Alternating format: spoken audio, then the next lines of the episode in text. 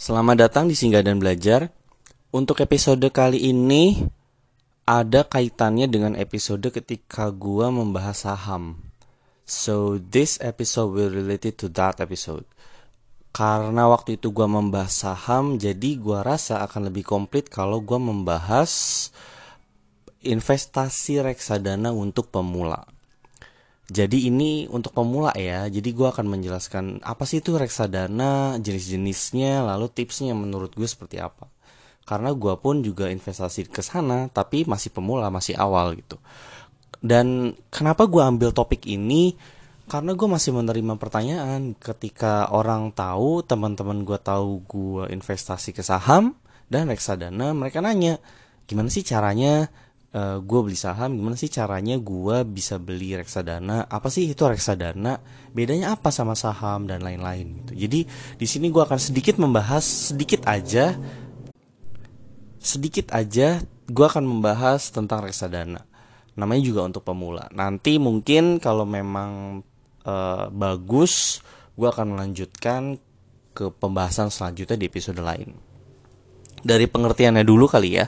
Untuk reksadana itu dari pengertiannya reksadana itu seperti wadah atau tempat atau bukan platform ya tapi tempat bukan tempat juga sih wadah yang digunakan untuk mengumpulkan uang atau menghimpun dana dari investor atau dari elu-elu yang ngirimin dananya yang beli produknya beli reksadananya dari masyarakat yang nantinya akan diinvestasikan oleh manajer investasi.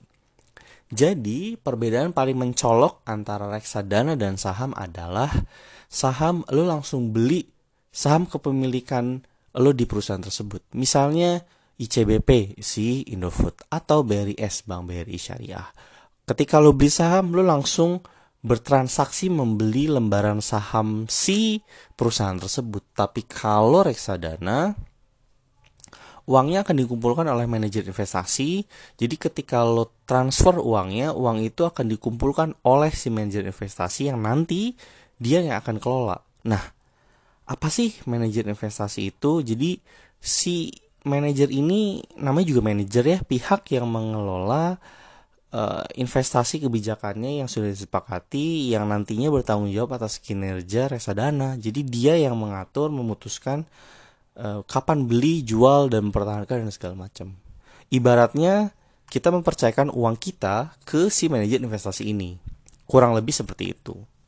Nah, dari pengertiannya cukup beda dengan reksadana eh dengan saham si reksadana ini dan juga ada beberapa tipe ada sekarang udah mulai muncul banyak tipe ya. Kalau lo baca di artikel gue beberapa kali baca itu ada muncul beberapa perbedaan gitu. Tapi yang gue pelajari yang dan gue ingat itu ada empat sih. Pasti ada empat. RDPU namanya reksadana pasar uang reksadana pasar tet, uh, pendapatan tetap RDPT reksadana campuran RDC gue menyingkatnya dan reksadana saham RDS. Ada juga reksadana yang syariah. Yang syariah ini seluruh reksadana yang pengelolaannya nanti si manajer investasi ini berdasarkan aturan-aturan syariah yang sudah ditetapkan oleh DSN, diawasi oleh DSN, Dewan Syariah Negara. Seperti itu. Jadi gua akan bahas empat aja nih. Empat jenis, empat tipe produk reksadana. Gue mulai dari pasar uang dulu. Nah, cukup teknis ya pengertiannya. Kalau lu baca atau lu dengarkan di platform di YouTube di video di podcast mana pun. Intinya pasar uang itu gini. Dananya itu 100% akan digunakan di instrumen pasar uang seperti deposito, sertifikat Bank Indonesia atau obligasi yang di mana masa jatuh temponya kurang dari satu tahun. Jadi dari pengertiannya ini, pasar uang ini difokuskan kepada lu yang ingin berinvestasi kurang dari satu tahun, 0 sampai satu tahun. Nah, keuntungannya apa? Apa yang menjadi ciri khas? Bukan keuntungannya, gue akan bilang ciri khas si RDPU, reksadana pasar uang, yaitu kalau lo lihat grafiknya, ini gue sambil buka aplikasi yang gue pakai untuk gue beli reksadana namanya Fantastic F U N D T A S T I C Fantastic. Di sini kalau lo melihat reksadana yang pasar uang misalnya contoh aja gue ambil Insight Money. Di sini namanya Insight Money. Kalau lo melihat performanya itu grafiknya cenderung stabil cenderung stabil, cen relatif stabil cenderung naik dan tidak fluktuatif seperti saham. Kalau lo lihat grafiknya saham tuh kan, wah gunjang ganjing gelombang ya. Tapi kalau RDPU si pasar uang ini enggak. Karena tujuannya untuk jangka pendek dia naiknya pelan-pelan, tapi konsisten. Stabil. Dan biasanya karena sifatnya pasar uang, deposito dia liquid, lebih cepat dicairkan. Nah, terus juga resikonya karena grafiknya ini uh, tidak apa namanya cenderung tidak fluktuatif cenderung stabil maka resikonya juga lebih kecil jadi bahkan yang gue tahu resikonya ini berdasarkan yang gue baca beberapa artikel dan uh, orang yang menjelaskan itu RDPU ini adalah tingkat resiko yang terkecil dibanding 4 jenis yang tadi gue sebutkan. Cuma kalau lo perhatikan biasanya angka returnnya atau duit yang akan lo dapatkan nih extra money-nya pendapatan lo nih itu juga cenderung kecil bisa 3% sampai 6 persenan 7 persen. Jarang gue melihat RDPU di atas 10%. Jarang sih rata-rata yang gue paling sering ketemunya dan di Fantastik ini dia di angka eh, 4 persenan sampai 6 persen. Gitu. 3 persen ada ding? 3 persen ada. Nah ini RDPU jadi RDPU ini untuk lo yang berinvestasi dengan jangka waktu satu tahun aja 0 sampai satu tahun yang kedua, RDPT, reksadana pendapatan tetap. Dananya minimum 80% dialokasikan untuk instrumen obligasi. Nah, keunggulannya atau ciri khas deh ya, bukan keunggulan dari tadi gue nyebutnya itu keunggulan ya. Ciri khas dari pendapatan tetap nih. Dia itu dari tingkat resiko dulu. Resikonya cenderung kecil, tapi lebih besar dari pasar uang. Sedikit lebih beresiko dari pasar uang. Itu yang pertama. Karakter selanjutnya adalah si RDPT ini kalau lo lihat kita balik lagi kalau lo belum punya Fantastic, lo download aja Fantastic. Lalu kita lihat produk si reksadana pendapatan tetap. Ini gue contohnya ini adalah reksadana yang cukup terkenal deh namanya BNI BNI Asset Management. B, apa Harmoni BNI AM kalau lo lihat grafiknya itu juga naik gitu naik. Tapi dia ada gelombangnya. Lebih fluktuatif dibanding pasar uang jadi tidak paling stabil, relatif stabilnya itu lebih bagus pasar uang. Ini sedikit lebih bergelombang. Lo akan menemukan performa nih, gue lihat BNI performa dalam satu tahun terakhir. Dia ada penurunan di bulan Maret. Jatuh banget. Tapi habis itu naik lagi pelan-pelan.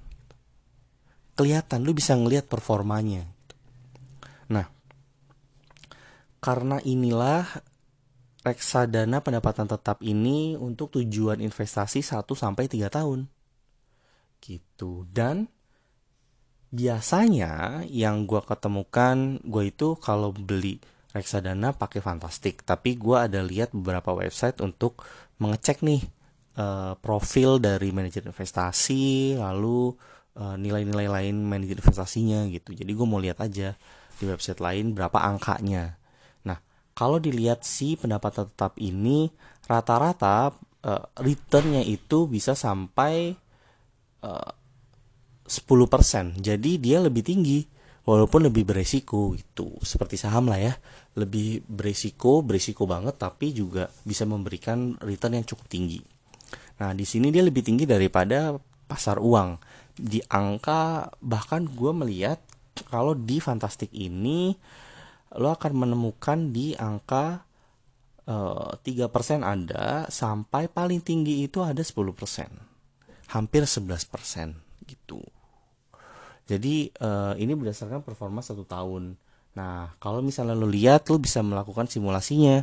Simulasinya ini uh, dana investasi yang uh, apa namanya lo keluarkan lalu dalam jangka waktu berapa lama? Misalnya dalam jangka waktu tiga tahun terus uh, lu bisa perhitungkan lu bisa dapat berapa dalam waktu satu tahun. Seperti itu.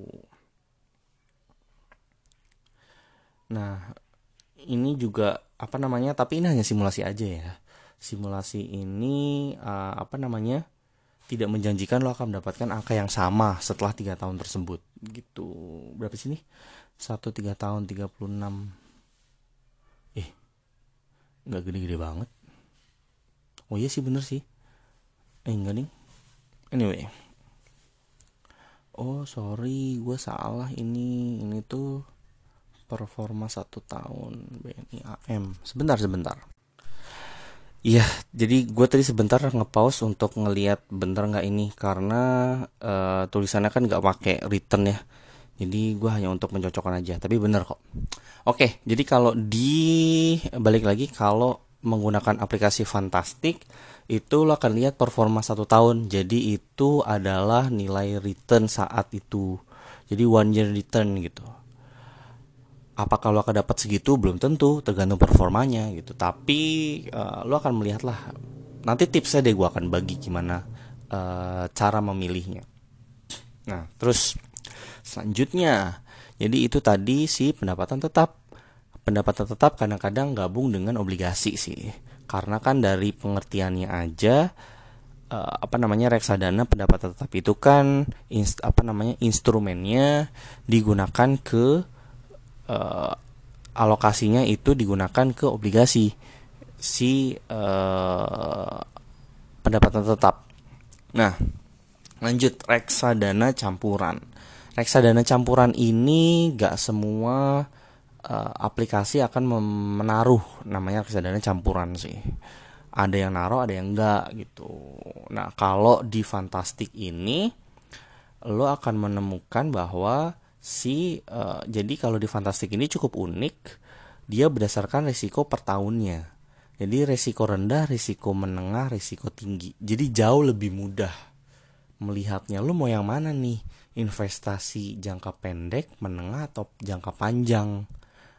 Mau tingkat risiko yang seperti apa gitu. Jadi lo nggak perlu lagi bingung nih gue masuk yang mana ya gitu. Enaknya fantastik itu itu tapi gue akan lihat si reksadana campuran karena kan kita sedang membahas reksadana campuran. Nah reksadana campuran ini kalau dari pengertiannya alokasi dana yang akan digunakan itu maksimal 79% 80% itu untuk masing-masing instrumen pasar uang iya, obligasi atau saham iya gitu. Kalau di fantastik maka dia termasuk risiko menengah. Karakteristiknya si reksadana campuran ini mirip-mirip dengan pendapatan tetap. Dalam hal pertama tingkat risikonya, tingkat risikonya mirip bahkan lebih tinggi dari uh, beberapa artikel mengatakan bahwa resikonya lebih tinggi dari pendapatan tetap. Lalu dari segi apa namanya uh, fluktuatifnya cenderung kestabilannya dia sama juga dengan pendapatan tetap. Tidak sefluktuatif pasar uang. Jadi akan bergelombang tapi di sini untuk yang campuran ini adalah yang jangka panjang. Lebih panjang 3 sampai 5 tahun. Karena uh, apa namanya? lebih ada ada yang mengatakan bahwa lebih ada adaptif dengan kondisi pasar, lebih fleksibel gitu. Nah, contohnya di sini ada manajer investasi, eh manajer lagi. Manajer investasi namanya Mandiri Investa Syariah Berimbang lo akan menemukan itu di fantastik kita eh kita gua kalau lo sambil buka sambil buka aja gua akan lihat di bagian performa dalam waktu satu tahun terakhir. Lo akan melihat si mana apa namanya manajer mandiri investasi syariah beragam ini mana tadi ya? Sebentar kok tiba-tiba keluar? Eh ini pendapat tetap nah ini. Dalam waktu satu tahun terakhir itu nilainya dia juga bergelombang. Lo akan bisa melihat naik juga ada peningkatan.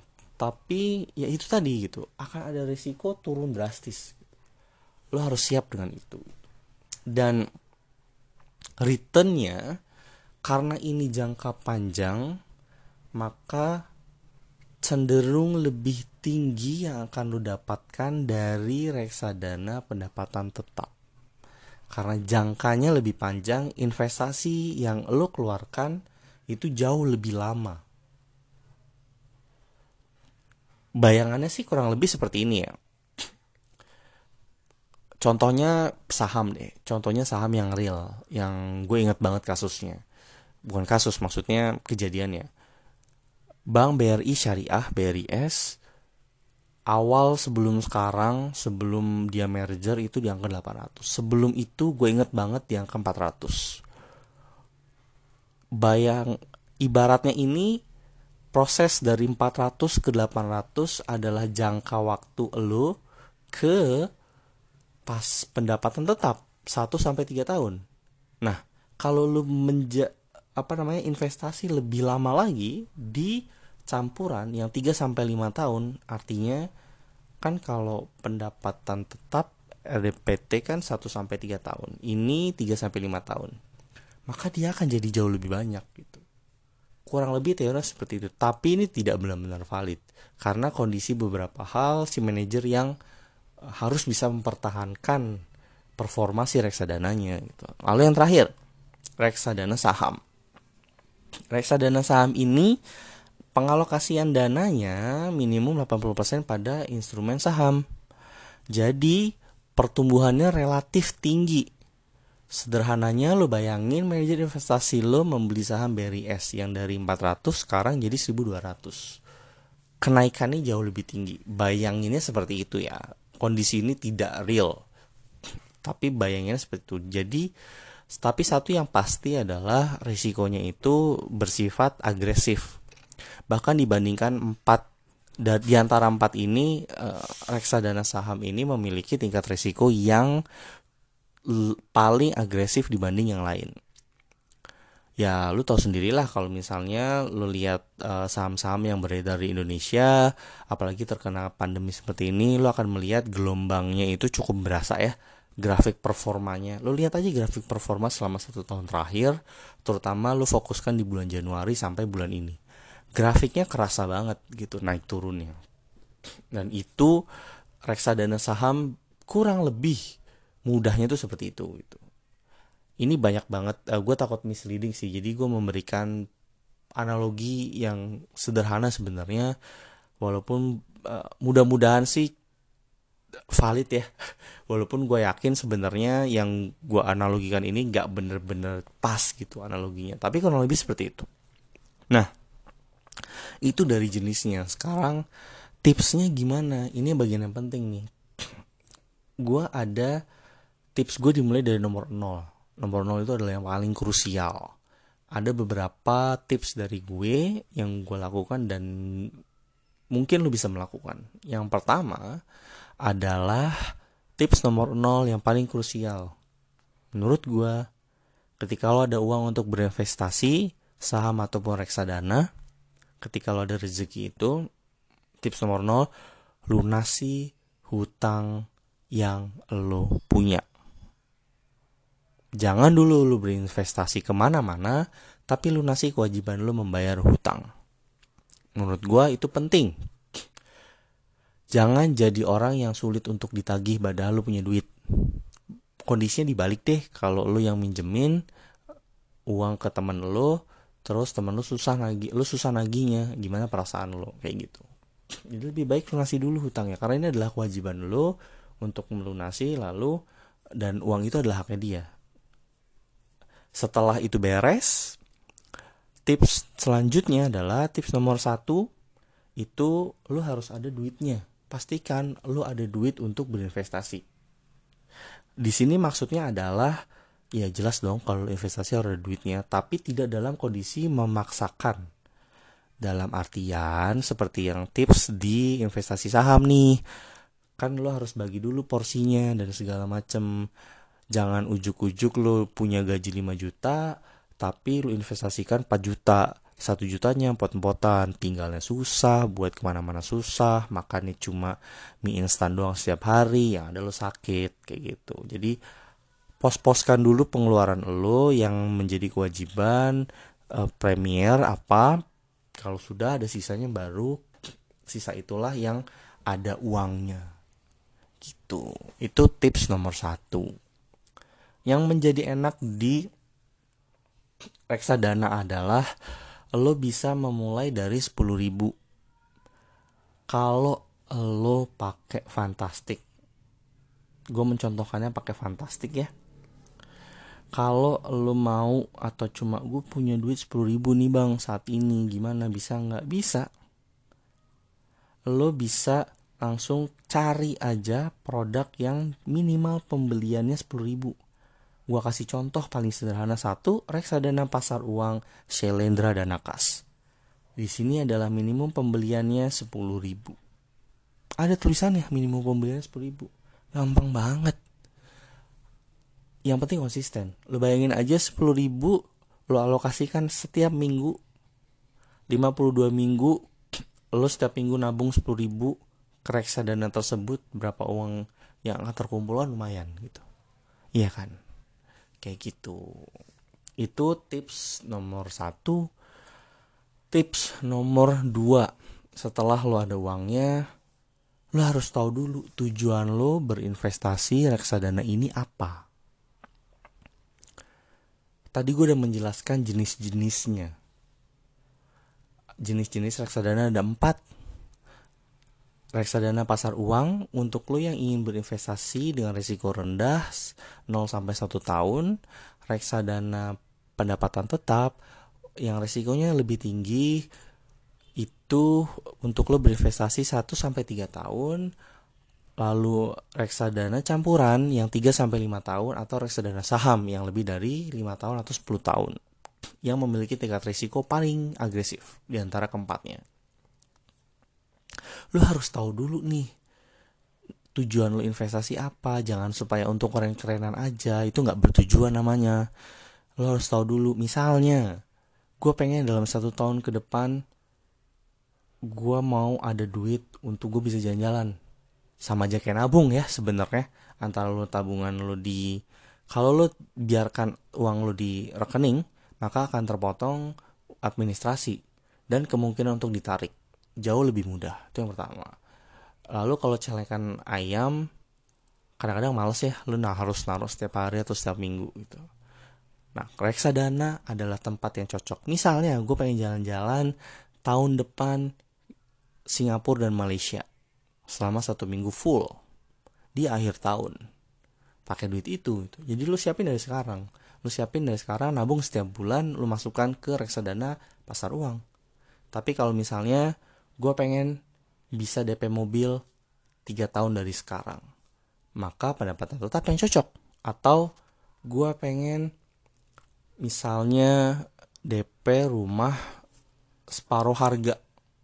DP rumahnya separuh harganya separuh harga aslinya nih ngedp-nya nih 10 tahun kemudian ya lu pakai saham aja gitu setelah lu tahu tujuannya apa jangka waktunya apa lu bisa pilih di fantastik ini berapa tahun ya ada tulisannya 1 sampai 5 tahun, 1 sampai eh 5 sampai 10 tahun atau lebih dari 10 tahun. Enak banget menurut gue. Jadi di sini lu bisa ngeliat gitu. Tapi ya itu tadi, masing-masing ini punya risikonya masing-masing gitu. Kalau lo memang mau bermain aman setiap tahunnya karena lo takut nilai lo turun drastis, ya lo setiap tahun ke pendapatan tetap aja atau ke pasar uang aja gitu. itu tujuannya yang pertama eh yang apa namanya yang harus lu gali dulu gitu gue ulang tips nomor nol adalah lunasi hutang lo tips nomor du nomor pertama adalah ada uangnya tips nomor dua adalah tentukan tujuannya. Lalu yang ketiga baru lo mencari tempat untuk membelinya. Kalau gua gue bisa menyarankan lo pakai fantastik aja karena enak dan mudah. Lalu eh, di sini krusialnya adalah pemilihan yang membuat lo nyaman.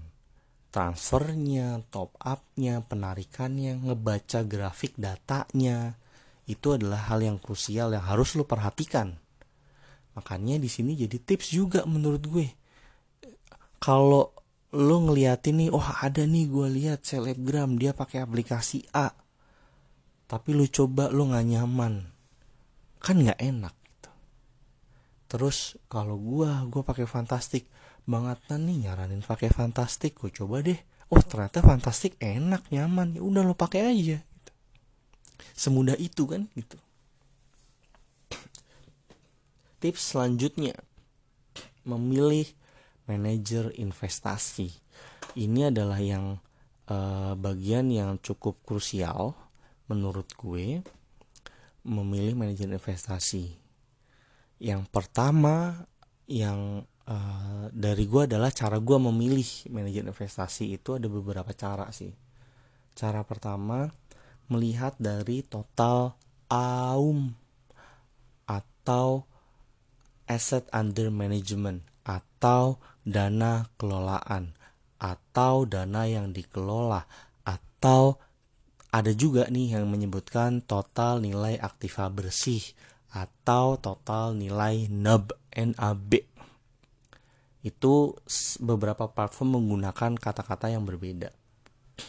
Kalau di Fantastic cara lo melihatnya gue mau melihat nih eh, reksadana syariah. Misalnya insight haji syariah sebagai pendapatan tetap. Ketika lo scroll ke bawah di bagian detail, lo akan menemukan fun fact sheets. Lo harus buka ini, lalu lo baca di sana, maka di sana akan tertulis total nilai aktiva bersihnya berapa. Nah, di sini menurut gue semakin tinggi total nilai tersebut, maka semakin dia dipercaya oleh orang lain. Untuk orang lain banyak yang beli produk atau reksadana tersebut gitu. Gak harus lu nyari yang paling tinggi, tapi lu bisa meliskan atau memfilter menurut lu, oh ini tinggi, oh ini tinggi, oh ini rendah, oh rendah banget nih, dan segala macam. Kenapa? Karena ada kemungkinan ada kemungkinan nih ini yang gue pelajari juga berdasarkan pengalaman gue juga ada kemungkinan bahwa si manajer investasi ini nggak jelas atau abal-abal atau bodong takutnya dia adalah uh, ibaratnya sering disebut itu adalah gorengan gitu nggak jelas gitu itu cara gue yang pertama cara gue yang kedua adalah mengenali profil si manajer investasi tersebut. Kalau di Fantastic, lo akan diberikan deskripsinya. Sekian, sekian, sekian. Dan juga di sini lo akan dikasih uh, prospektus, bukan hanya fun fact sheets, tapi ada prospektus dokumen yang bisa lo baca untuk meyakinkan lo. Karena gue yakin kalau lo adalah orang awam seperti gue maka lo nggak akan familiar dengan namanya Espring Investment atau Insight Investment Management gitu. Lo nggak akan familiar gitu. Tapi tujuan di sini adalah supaya lo juga baca gitu. Baca aja dikit. Kalau bingung lo bisa baca dari selain dari fun fact sheetnya ngelihat total NAB lo juga bisa lihat dari deskripsinya. Deskripsinya apa dan lain-lain. Itu hanya singkat aja ya namanya juga deskripsi gitu. Contoh si insight haji syariah nih Deskripsinya gue bacain uh, sebentar. Satu persen dari nilai aktiva bersih disisihkan sebagai infak yang digunakan untuk memberangkatkan haji orang-orang yang kurang beruntung secara ekonomi. Menerima berbagai penghargaan sebagai reksadana terbaik di kategorinya dari majalah investor, Karim Business Consultant, Pevindo, Detik.com, dan lain-lain. Imbas hasil sejak peluncuran adalah 15.75% per annum atau per tahun sejak 17 Januari 2005. Dari sini nih, dia sudah menerima penghargaan nih. Lo bisa gunakan waktu lo untuk googling. Siapa sih Insight Investment Management ini sebenarnya?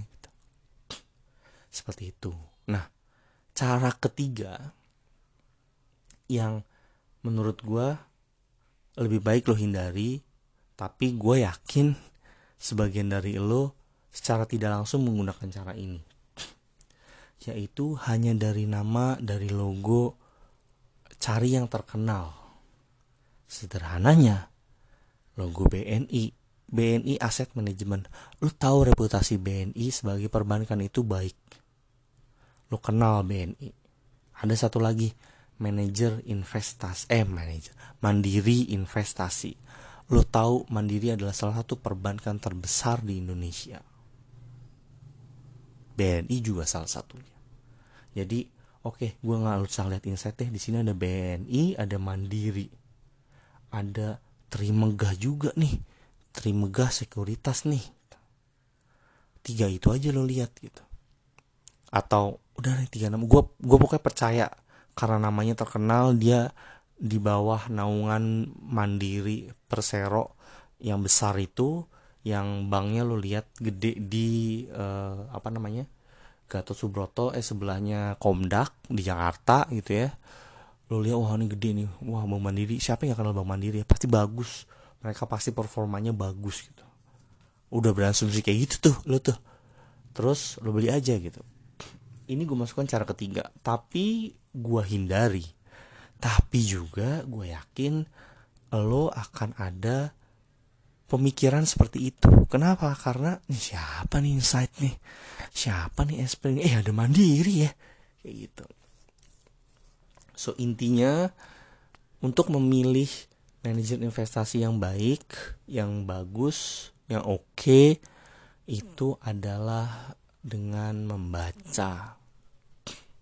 Jadi jangan tergiur produk reksadana yang returnnya tinggi tulisannya 25% contoh langsung aja lo taruh eh ternyata gorengan drop kasus sana sini. Kayak saham tuh ada MYRX kan saham kasus bermasalah tuh. Tapi itu yang saham bukan reksadana ya.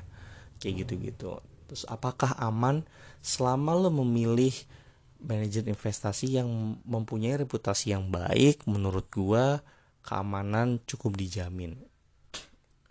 Fantastik adalah platform penjembatan atau sebuah aplikasi yang memudahkan lo untuk melakukan transaksi dan sudah diawasi juga oleh OJK udah pasti gitu. Jadi apakah reksadana ini aman? Aman dengan catatan yang tadi udah gue sebutkan. Kayak gitu. Jadi itu tipsnya tuh. Sederhana aja sih untuk pemula. Gue ulang tips nomor 0 lunasi dulu hutang-hutang lo yang ada. Jangan dulu investasi sebelum lo udah hutang lunas yang ada.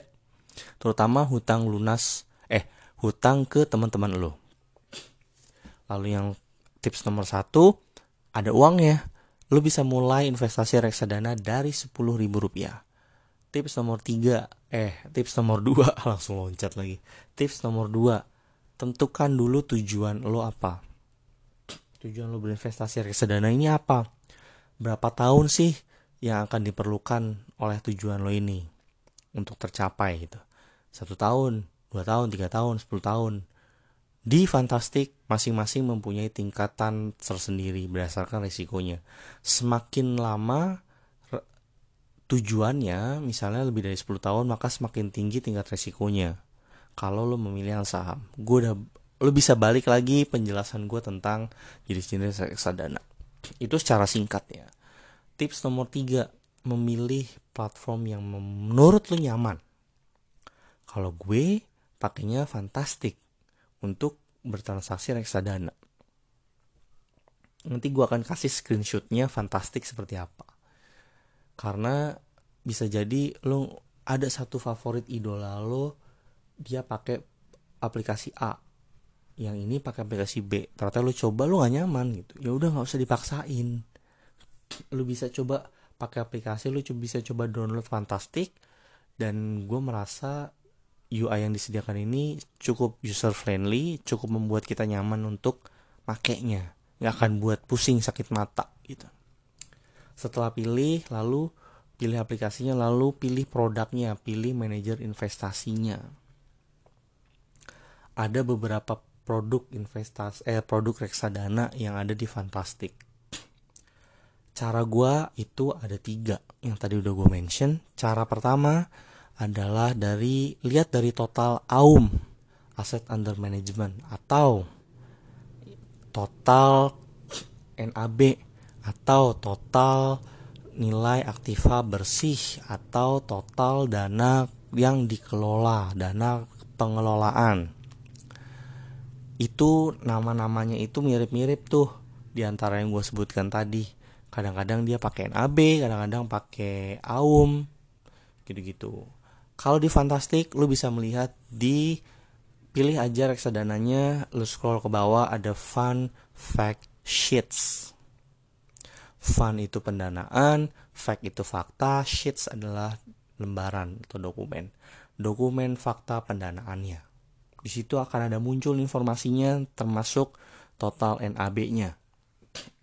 Semakin tinggi total NAB-nya, total AUM-nya, total dana dikelolanya, menurut gue semakin banyak orang mempercayai produk tersebut.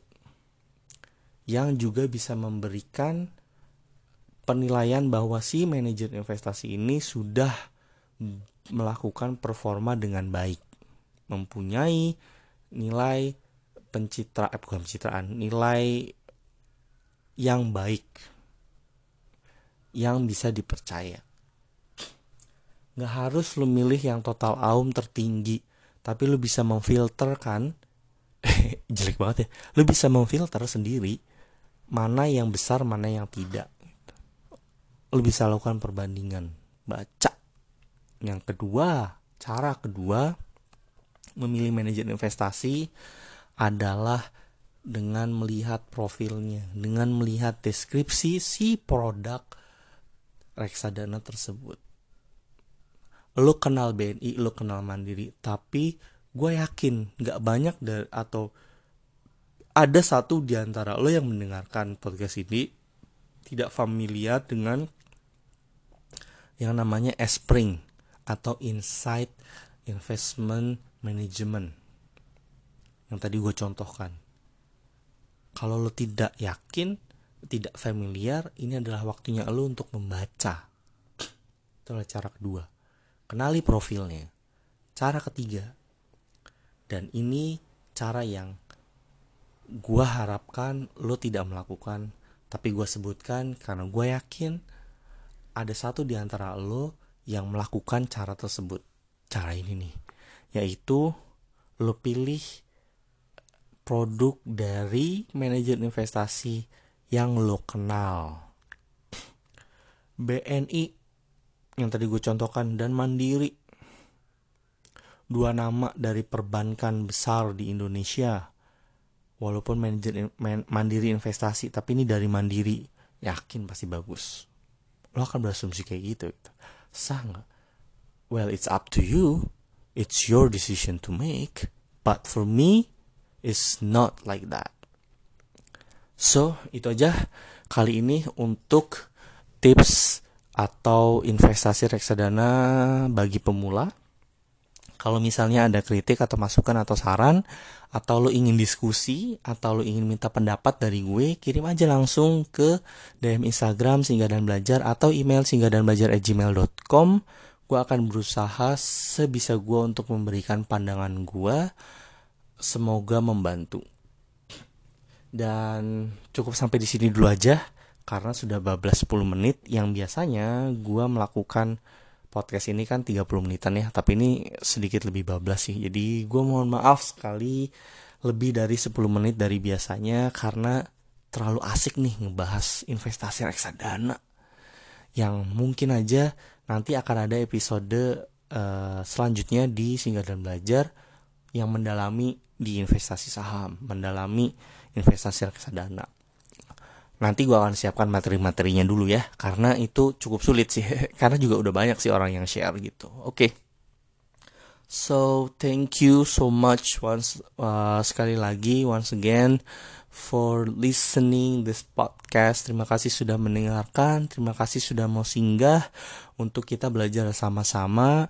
Gue sekali lagi di sini tidak untuk mengajari kalian tapi gue hanya mau share dari yang gue tahu. Kalau ada kesalahan kata-kata, kesalahan pengertian, kesalahan yang gue lakukan, mohon dimaafkan kehilafan yang gue lakukan. Murni itu adalah kesalahan dari gue dengan uh, keterbatasan yang gue punya.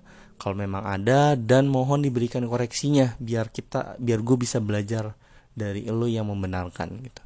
Di sini gue hanya ingin share dan yang gue bilang di sini adalah juga dalam bentuk belajar juga untuk gue pribadi.